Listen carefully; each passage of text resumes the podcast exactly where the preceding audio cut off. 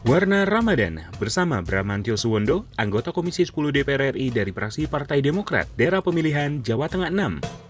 Ramadan biasanya memang kondisi normal itu adalah banyak sekali penjual-penjual yang menyiapkan uh, makanan yang tradisional dan juga persiapan bukaan. Pada tahun ini sangatlah berbeda dengan Ramadan sebelumnya dan ini dirasakan untuk kaum muslim sedunia ini banyak sekali perbedaan seperti sholat tarawih tidak bisa di masjid tapi bisa tetap kita laksanakan berjamaah di rumah masing-masing uh, mengikuti protokoler COVID-19 yaitu menjaga jarak.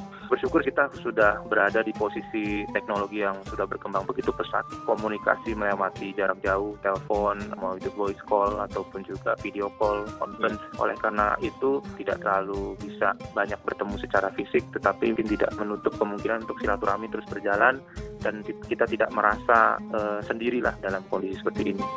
Warna Ramadan bersama Bramantio Suwondo, Produksi TV dan Radio Parlemen, Biro Pemberitaan Parlemen Sejen dan BK DPR RI.